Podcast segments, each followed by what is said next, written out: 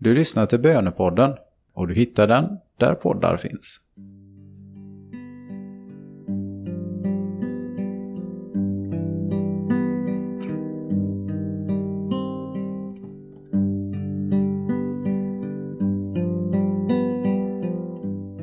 Vi tar ett steg längre på vägen tillsammans med Jesus när han nu går mot korset.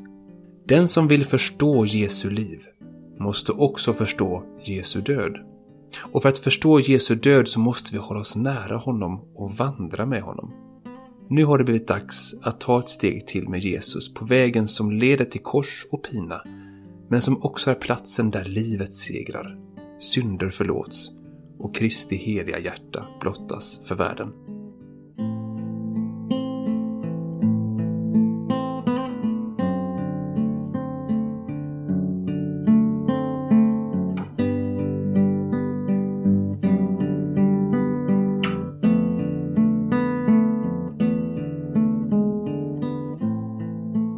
Texten är hämtad ur profeten Jesajas 53 kapitel. Vem av oss trodde på det vi hörde? För vem var Herrens makt uppenbar? Som en späd planta växte han upp inför oss, som ett rotskott ur torr mark.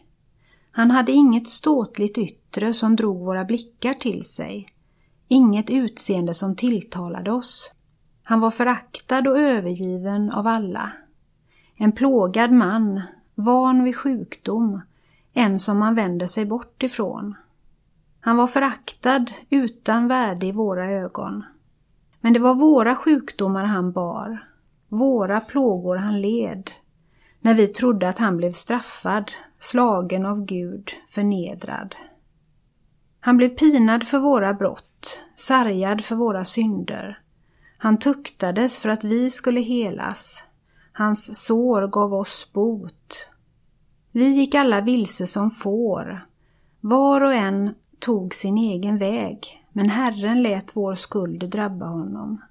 Han fann sig i lidandet, han öppnade inte sin mun. Han var som lammet som leds till slakt eller tackan som är tyst när hon klipps.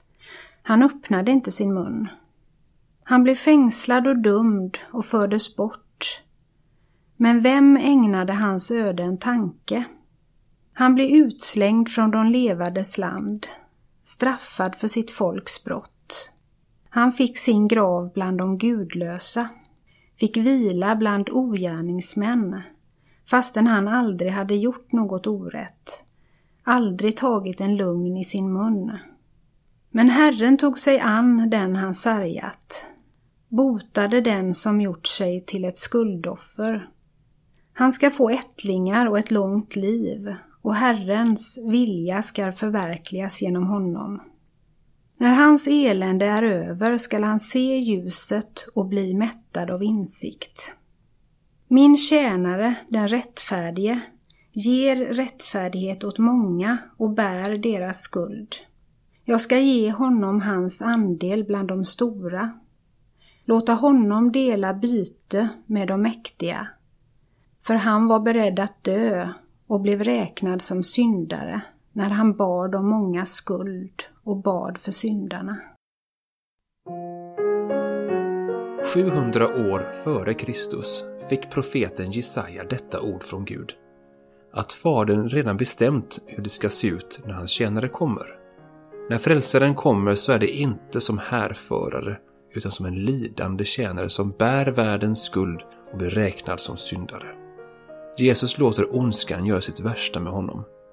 Hur reagerar du i mötet med ondskan?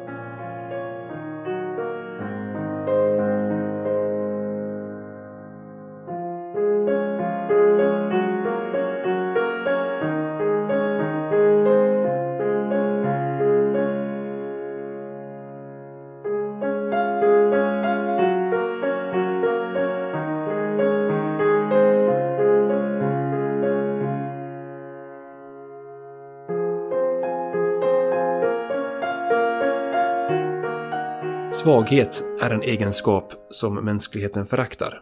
Det har den alltid gjort. Man måste stå på sig. Man ska inte låta någon kliva på en. Och skulle någon få för sig att göra det, då ska man helst ge igen. Men Gud, Gud väljer en annan väg. Han som har makten och rätten att vedergälla alla mänsklighetens synder, han som äger styrkan och makten, väljer ödmjukhetens och svaghetens väg i frälsaren Jesus. Den gudomliga kärlekens väg. Finns det något i ditt hjärta?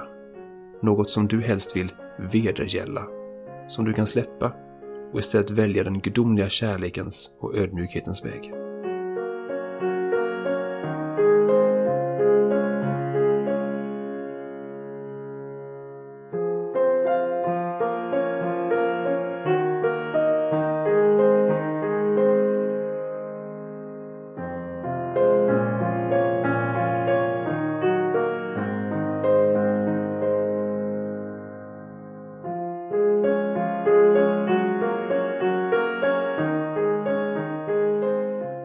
Kristus bär hela världens synder på sina axlar där på korset. Dina och mina också. Han är det fullkomliga offret, då, nu och i evighet. Skulden som vi dragit på oss är en gång för alla sonad, inte genom silver eller guld, utan genom Kristi dyrbara blod. Hur förhåller du dig till det?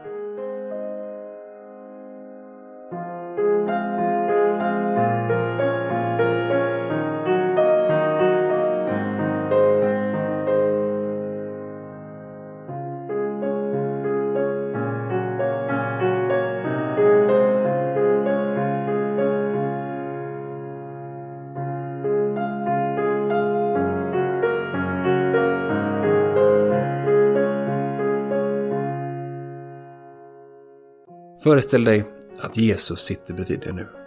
Tala till honom. Tala till honom uppriktigt och låt honom veta vad du tänker, vad du önskar, vad du vill få och vad du vill bli av med.